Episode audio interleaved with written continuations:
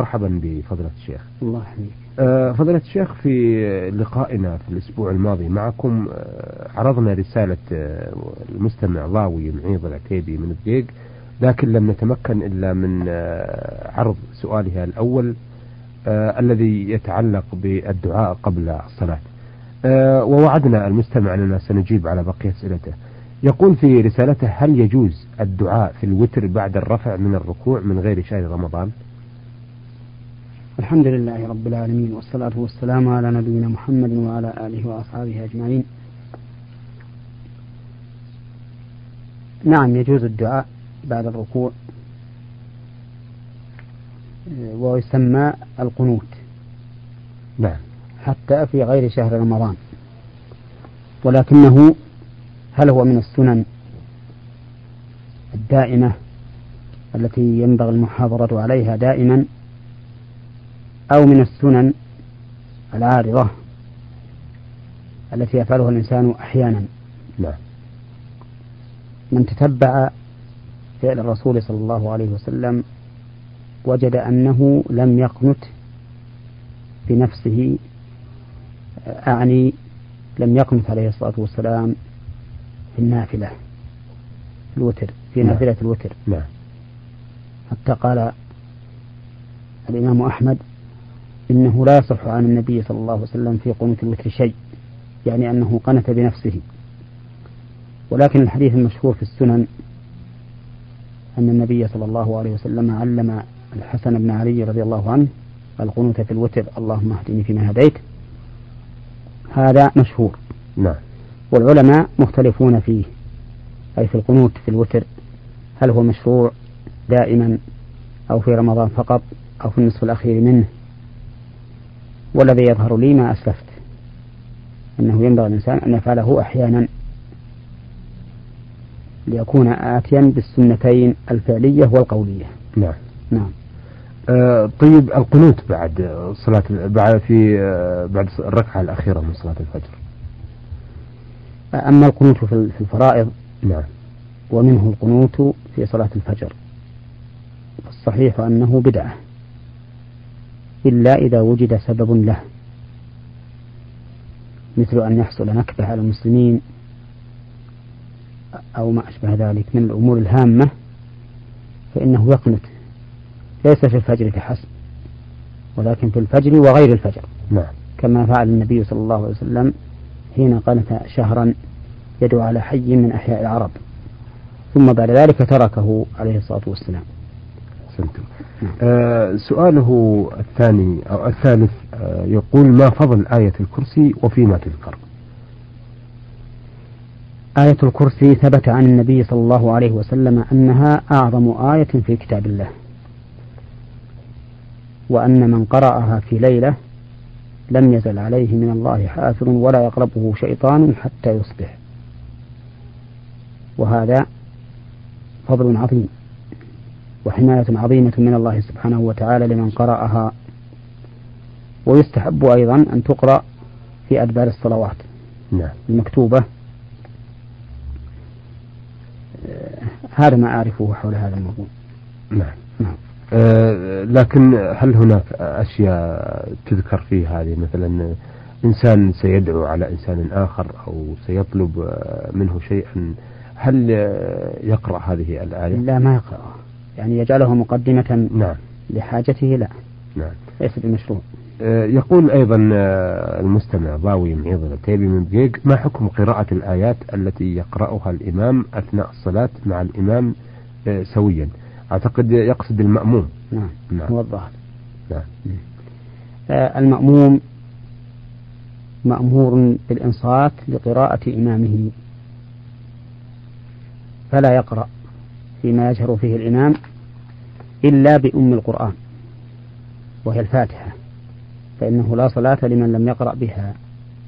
وأما ما عداها من القرآن أو من الأذكار فلا يقرأ والإمام يقرأ. نعم. بل ينصت لقراءته نعم. آه هذه رسالة وردت من المرسلة ميم باء قاف من القصيم الرس. آه تقول في رسالتها أما بعد نشكركم على هذا البرنامج. كما نشكر جميع الشيوخ الذين يساهمون في الإجابة مع تمنياتنا لكم بالتوفيق والنجاح. وهذه أسئلتي. أنا فتاة أديت فريضة الحج هذه السنة والحمد لله وما يشغل بالي هو أنني في يوم النحر ذهبنا إلى رمي الجمار آه، سيرا على الأقدام من منى إلى الجمار آه، ومن الجمار إلى الحرم الشريف وكنت مرتدية جوارب بدون نعلين. وأثناء سيرنا كانت الشوارع متسخة وفيها مياه ونحن لا نستطيع الابتعاد عن الأماكن المتسخة من شدة الزحام. ولما وصلنا إلى الحرم دخلت الحرم والجوارب متبللة ولا أستطيع خلعها لأنها من لباس الإحرام. فدخلت الحرم وطفت وسعيت وهي نجسة وأنا لا أدري هل حجي صحيح؟ أرشدوني جزاكم الله خيرا. حجها صحيح والماء الذي تطأه بقدمها إذا لم تتيقن نجاسته فالأصل فيه الطهارة. ولا فرق في هذا بين أن يكون الماء كما ذكرت نعم. ما يضطر الإنسان إلى خوضه أو في أماكن الساعة. فإن الماء الذي لا يعلم الإنسان نجاسته ولا يتيقنها حكمه أنه طاهر. لا لا ينجس ثوبه ولا ينجس نعله ولا شيئا أبدا. نعم. وأما قولها إنها لم تخلعها لأنها من لباس الإحرام فلعلها تعتقد كما يعتقد كثير من الناس أن من أحرم بثوب لا يمكنه أن يخلعه وهذا ليس بصحيح فإن المحرم يجوز له أن يغير ثياب الإحرام سواء لحاجة أم لغير حاجة نعم. إذا غيرها إلى ما يجوز لبسه حال الإحرام نعم. وأما ما اشتهر عند العامة أنه لا يغيرها فهذا لا أصل له. فلو أن هذه المرأة خلعت هذه الجوارب إذا كانت قلقة منها ثم لبست جوارب نظيفة آه، لم يكن عليها في ذلك بأس. نعم. آه، أيضا تقول في رسالتها المدرسة تأمر الطالبات بالصلاة في المدرسة. ويجعلون مدرسة تأمنا تأمنا بالصلاة وهي تجهر بالقراءة. علما أنها صلاة الظهر وهي تجهر لجميع الركعات. ماذا نفعل؟ هل نصلي معها وصلاتنا صحيحة أم نعيد الصلاة في المنزل؟ أرشدونا أرشدكم الله. صلاتكم معها صحيحة ولكن يجب أن تنصحوها عن الجهر بالقراءة فإن المشروع في صلاة الظهر وفي صلاة العصر أن يسر المصلي بقراءته. فهنا نقول ينبغي أن تنصح ويتبلغ بالسنة وهو أن لا تجهر. وحتى لو جهرت فصلاتها هي صحيحة وصلاتهم من خلفها صحيحة أيضا. نعم نعم. طيب آه، بالنسبة لصلاة النساء في هذا هل يلزمهن إقامة أم لا؟ هذه فيها خلاف بين العلماء هل يشرع تشرع الإقامة لجماعة النساء أو لا؟ نعم والأقرب أنها تشرع لأنها إعلام بالقيام للصلاة ومتى صلينا جماعة فهن محتاجات إلى الإعلان بالقيام إلى الصلاة نعم. أيضا تقول المستمعة من الرس إذا صليت بثوب نجس وأنا أعلم بذلك ولكن وقت الصلاة كنت ناسية أن الثوب نجس. وبعد الانتهاء من الصلاة تذكرت ماذا أفعل. إذا تذكرت بعد الانتهاء مباشرة أو بعد انتهاء وقت الصلاة ماذا أفعل؟ جزاكم الله خيرا وشكرا جزيلا والله يحفظكم ويرعاكم. صلاتك صحيحة ولا تفعلين شيئا. لأن كل من صلى بثوب نجس أو مكان نجس ناسيا أو جاهلا. فإنه ليس عليه إعادة الصلاة. بخلاف من صلى بغير وضوء فإن عليه إعادة الصلاة سواء كان ناسيا أم جاهلا. ونضرب لذلك مثلين يتضح بهما الحكم. نعم. رجل أحدث ولم يتوضأ ثم جاء وقت الصلاة فصلى ناسيا أنه أحدث. فنقول له يجب عليك إعادة صلاتك. رجل آخر كان في ثوبه نجاسة ولكنه نسي فصلى قبل غسلها. نقول له صلاتك صحيحة ولا يجب عليك الإعادة. ومثالان آخران في الجهل. رجل أكل لحم إبل وهو لا يعلم به. وكان على وضوء قبل أكله. فقام وصلى ثم بعد صلاته تبين أنه قد أكل لحم إبل. فيجب عليه أن يعيد الصلاة. توضأ ويعيد الصلاة ويعيد الصلاة. لأنه صلى بغير وضوء. ومثال الجهل النجاسة رجل صلى وفي ثوبه نجاسة لم يعلم بها فلما فرغ من صلاته رآها. فصلاته صحيحة ولا إعادة عليه. نعم. قد يقول قائل ما الفرق بين النجاسة والحدث؟ حيث قلتم إنه إذا صلى محدثا ولو كان جاهلا أو ناسيا وجب عليه إعادة صلاته. وقلتم إذا صلى بثوب نجس جاهلا أو ناسيا فلا, فلا إعادة عليه. نقول لأن الفرق بينهما أن النبي صلى الله عليه وسلم قال لا يقبل الله صلاة أحدكم إذا أحدث حتى يتوضأ وهذا عام والوضوء أمر إيجابي نعم. يعني شرط إيجابي لا بد من حصوله وأما اجتناب النجاسة فهو شرط عدمي. والشرط العدمي معناه أن الإنسان مأمور بتركه واجتنابه لا بفعله. فإذا فعله ناسا أو جاهلا فلا حرج عليه ولا إثم لقوله, رب لقوله تعالى وليس عليكم جناح فيما أخطأتم به ولكن ما تعمدت قلوبكم. نعم.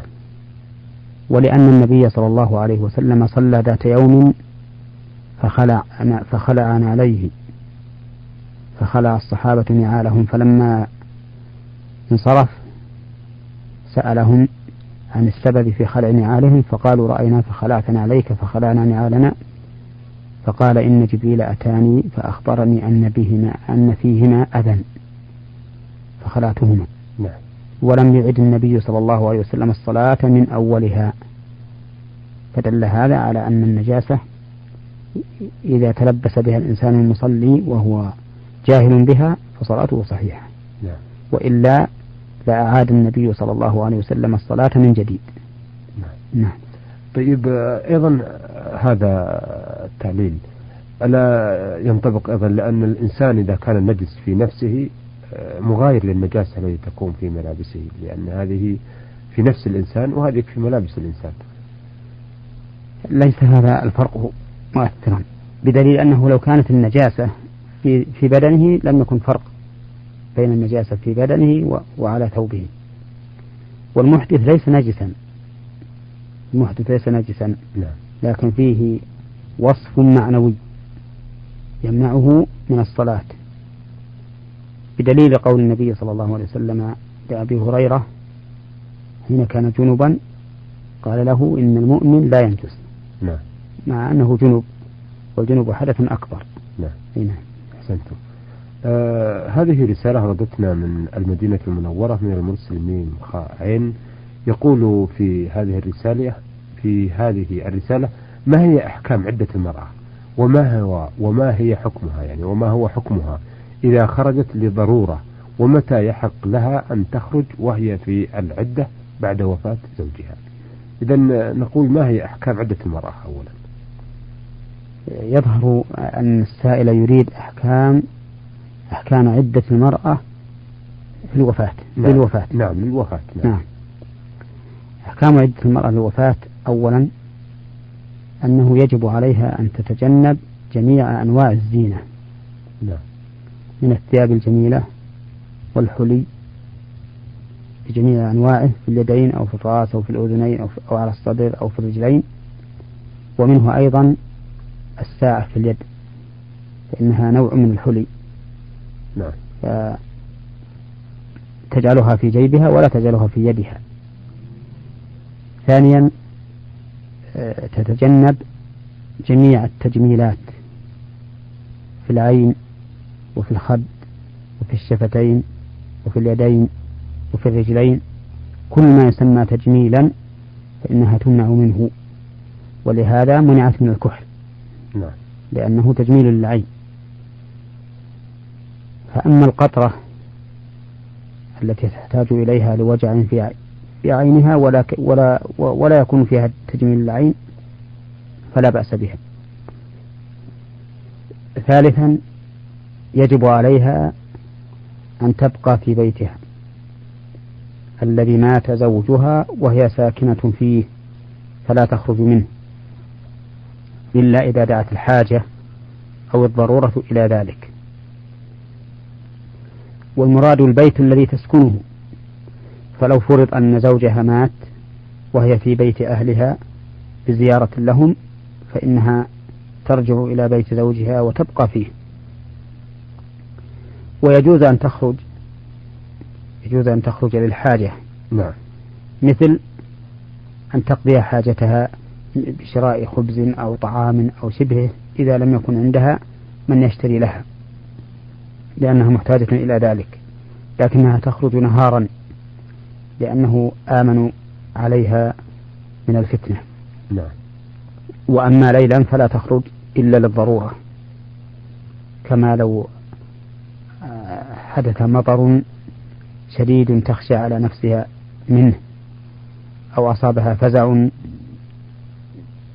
من لص أو شبهه نعم فإنها تخرج ولو في الليل. وأما مكالمة الرجال بالتلفون أو مباشرة فإنه لا بأس به مع أمن الفتنة وعدم المحذور. فإن كان يخشى من الفتنة فلا يجوز. لا لها ولا لغيرها. نعم.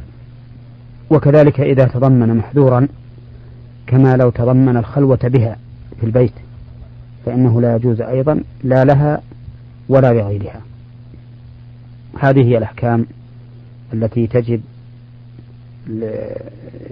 على المعتدة ويجوز لها أن تغتسل ويجوز لها أن تدهن رأسها بما ليس فيه طيب لأن الطيب ممنوعة منه. نعم. لأنه نوع من التجمل.